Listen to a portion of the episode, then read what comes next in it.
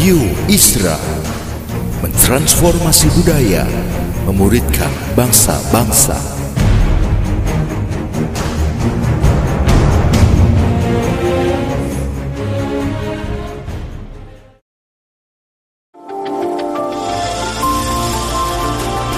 Voice of Pradaim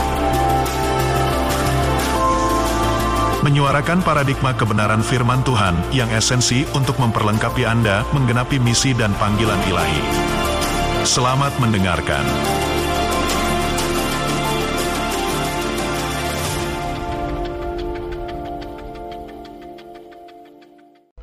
Haleluya, shalom jemaat yang Tuhan kasihi. Pada minggu ini, kita kembali mau merenungkan lebih dalam lagi khotbah hari Minggu, saudara dan kita mau praktekkan di kehidupan pribadi kita di kompak di komsel. Nah, saudara, tema kita minggu ini adalah memulai komunitas kerajaan dari saya. Kenapa harus mulai dari saya? Karena saya adalah bagian daripada saudaraku komunitas kerajaan. Nah, komunitas kerajaan itu adalah komunitas yang hidup dalam kerajaan Allah. Apakah hidup dalam kerajaan Allah itu saudaraku? Yaitu hidup yang saudaraku ya dikendalikan. Ya, kita saudaraku dikuasai, diperintah oleh sang raja. Yesus adalah sebagai Tuhan, Saudara. Ya, dia penguasa tunggal hidup kita, bukan sekedar juru selamat, bukan sekedar saudaraku penolong kita tapi dia Tuhan, penguasa tunggal hidup kita. Nah, kalau kita, saudaraku, benar-benar menjadikan Yesus sebagai penguasa tunggal hidup kita, apa yang terjadi, saudara? Pasti kita taat kepada Dia. Dan kalau kita taat, kita seperti orang yang membangun rumah di atas batu karang maka kehidupan kita seperti rumah itu tidak tergoncangkan, tidak dapat digoyahkan. Nah, karena itu, saudara, kita mau taat melakukan perintah-perintah Tuhan. Nah, kita sudah diingatkan ada tiga perintah Tuhan yang kita mesti taat. Up, yaitu saudara kita bersama dengan kompak kita membangun manusia roh kita bersama dengan kompak saudara kita menyembah Tuhan. Ya kita saudaraku merenungkan firman supaya manusia roh kita dibangun saudara. Ya dan kita boleh kuat dan bertumbuh. Kemudian saudaraku perintah yang kedua in.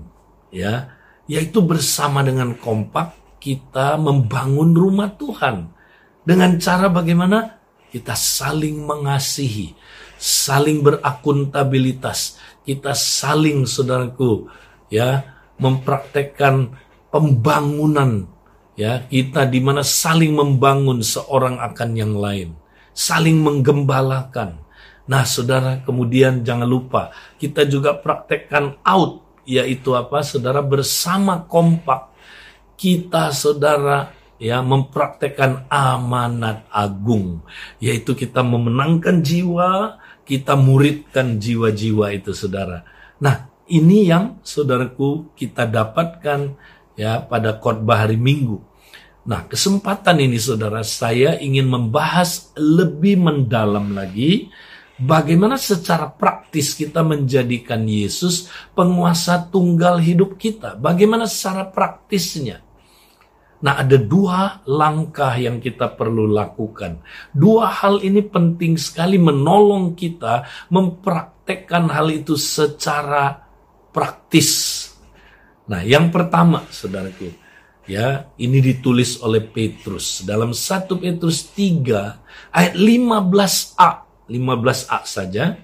Ya, di situ dikatakan kuduskanlah Kristus di dalam hatimu sebagai Tuhan Nah, dulu Petrus Saudara, ya, pada waktu dia belum mengerti prinsip ini, dia hidupnya jatuh bangun dan dia menyangkal Yesus sampai tiga kali.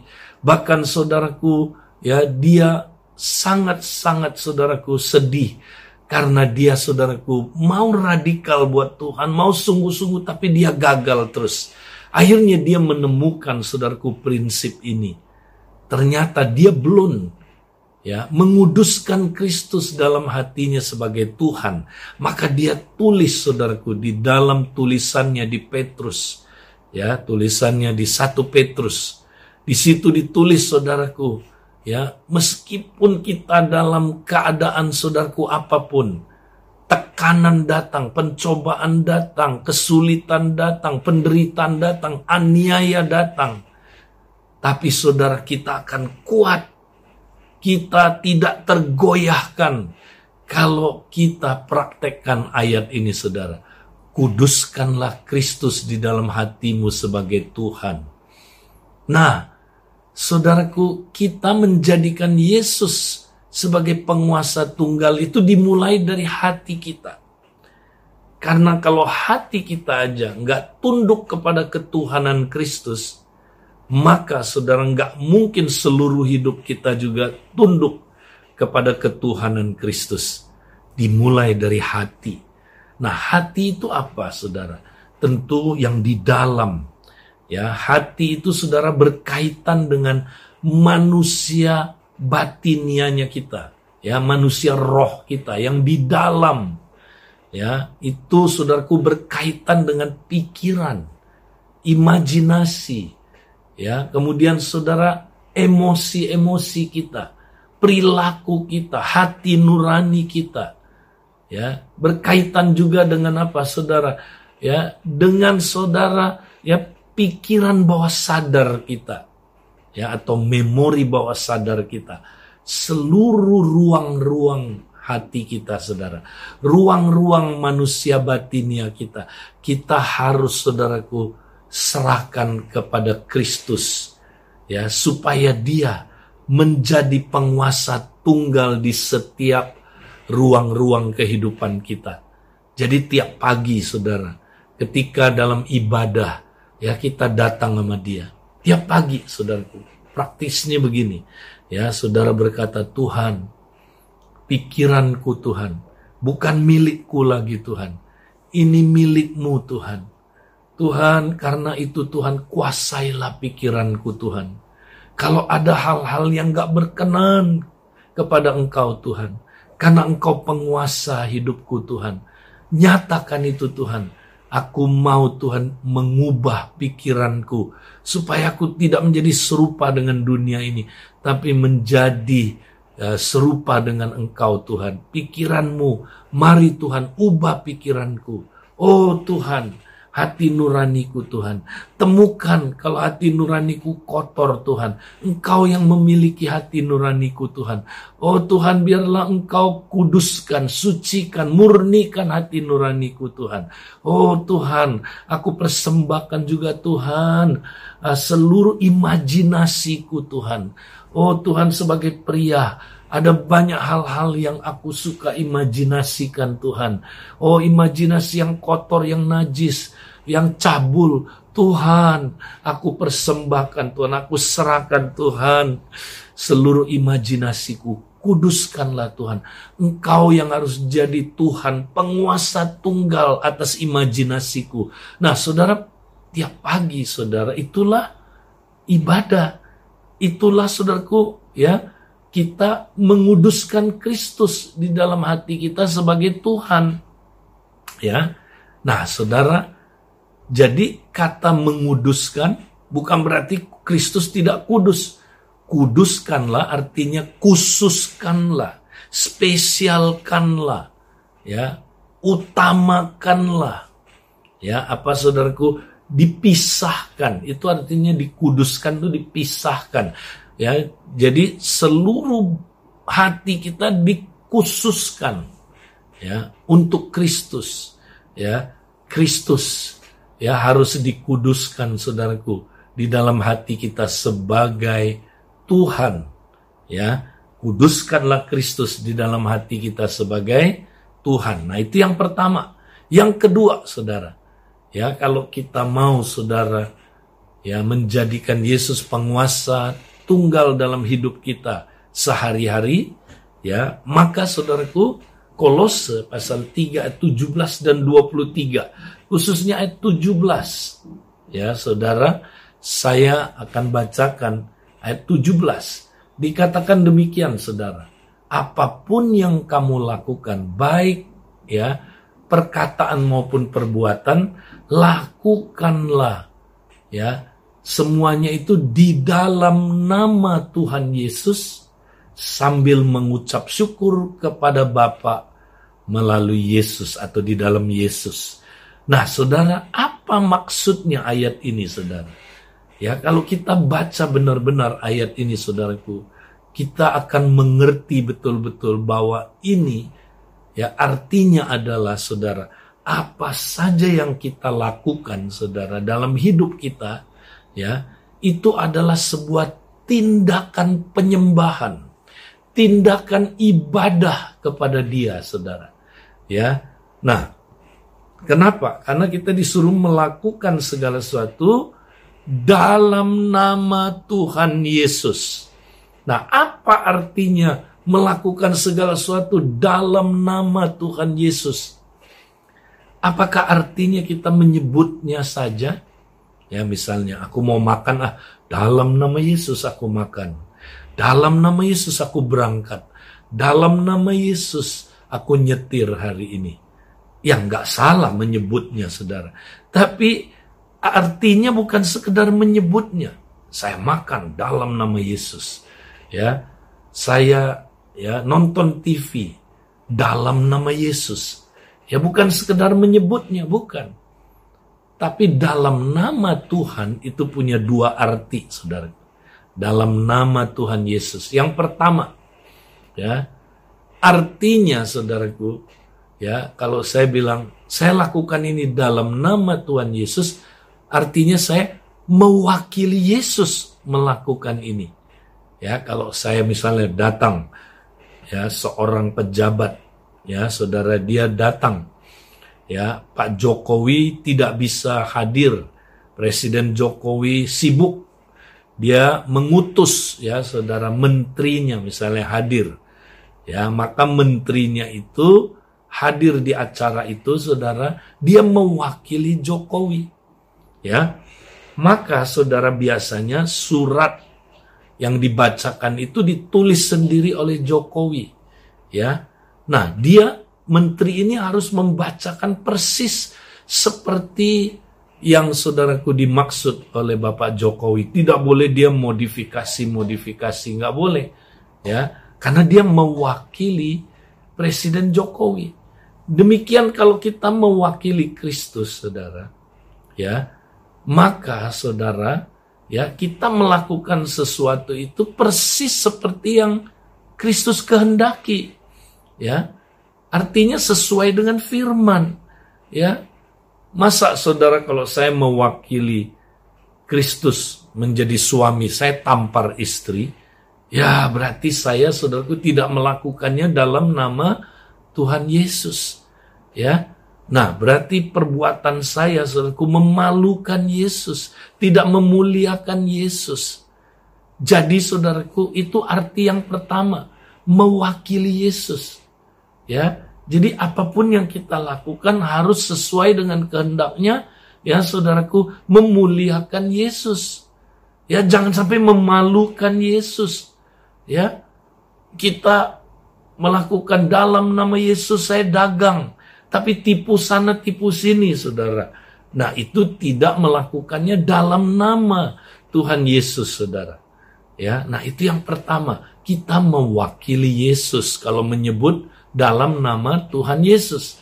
Nah arti yang kedua saudara, kalau saya melakukan ini dalam nama Tuhan Yesus artinya saya melakukannya di bawah otoritas kuasa dan motif dari Yesus. Sekali lagi, kita melakukannya di bawah otoritas, kuasa dan motif dari Yesus.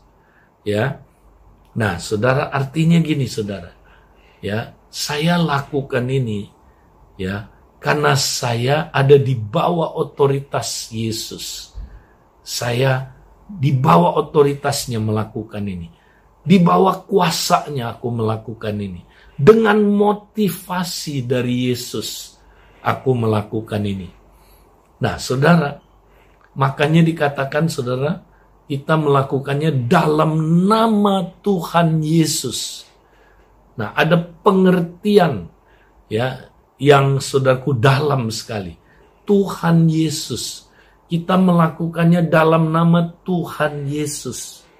Nah, Yesus itu apa, Saudara?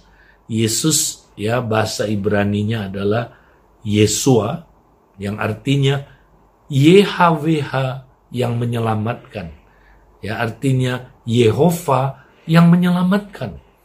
Jadi itulah Yesus itu nama yang berkaitan dengan kejuru selamatannya. Saudaraku, jadi kalau kita melakukan apa-apa ya atas nama ini.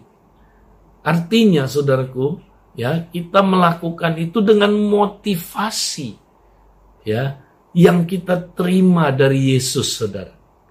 Nah, Yesus saudaraku, dia begitu mengasihi kita sehingga dia mengorbankan hidupnya. Dia serahkan seluruh jiwa raganya, tubuhnya kepada kita, saudara. Ya, dia mati di kayu salib, dia menyerahkan seluruh kehidupannya, ya, nyawanya sendiri kepada kita.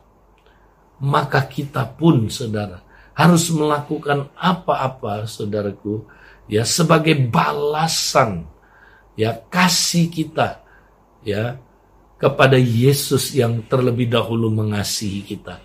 Jadi kita lakukan apa pun motivasinya adalah sebagai balasan ya yang pantas atas kasih Kristus kepada kita ya. Nah, kedua, kita melakukannya Saudara ya saudaraku di bawah otoritas Tuhan ya nah siapakah Tuhan dia bukan sekedar juru selamat saja tapi dia Tuhan Tuhan artinya apa saudara? Ya dia penguasa tunggal hidup kita. Ya jadi saudara kalau kita melakukannya di bawah otoritas Tuhan ya artinya saudara ya kita melakukan apa pun saudara ya karena ya kita adalah hambanya. Ya karena kita mau taat kepada Tuhan kita yang sudah menebus kita kita milik dia saudara jadi apa pun yang kita lakukan kita lakukan saudaraku di bawah otoritasnya ya saudaraku di bawah kuasanya dan motif yang dari Tuhan Yesus kalau kita lakukan ini saudara maka apa yang terjadi saudara semua tindak tanduk kita, perbuatan kita adalah bentuk penyembahan. Ini adalah bentuk ibadah. Dan saudara kalau kita lakukan ini ya itu berkenan kepada Tuhan. Ya, itu menyenangkan hati Tuhan. Dan bukan hanya itu ada kuasa yang mengalir saudara. Ya, karena kita lakukan di bawah kuasanya dan kita lakukan dengan motif dari Tuhan. Ya, kalau motifnya kita, saudaraku, bukan cari untung, motifnya kita lakukan itu bukan ya supaya ya kenapa kamu mau jadi suami yang baik ya bukan supaya ya saya ya bisa punya istri yang baik ya saya mau mengasihi dia supaya dia juga mengasihi saya, Pak Edi. Ya, saya mau melakukan ini supaya dia ya, saya berharap dia juga balas dong. Ya, nah saudara, akhirnya saudara, kalau dia nggak balas atau belum mampu membalas kita, kita kecewa. Saudara, sering kali kita lakukan sesuatu itu motifnya bukan untuk Tuhan Ya, sebab ayat 23 bilang lakukanlah segala sesuatu sungguh-sungguh seperti untuk Tuhan, bukan untuk manusia. Ya, seperti untuk Tuhan. Apakah kita melakukannya untuk Tuhan atau untuk dilihat orang? Atau supaya tadi itu Saudara, supaya ya. Kenapa kamu mau ya lakukan ini ya? Supaya saya Pak Edi diberkati ya supaya saya ya bisa apa ada hukum timbal balik dong ya kalau aku baik sama dia ya nanti dia juga baik sama saya ya kan nah kalau saya lakukan ini nanti saya berharap sesuatu Nah, itu adalah ibadah supaya.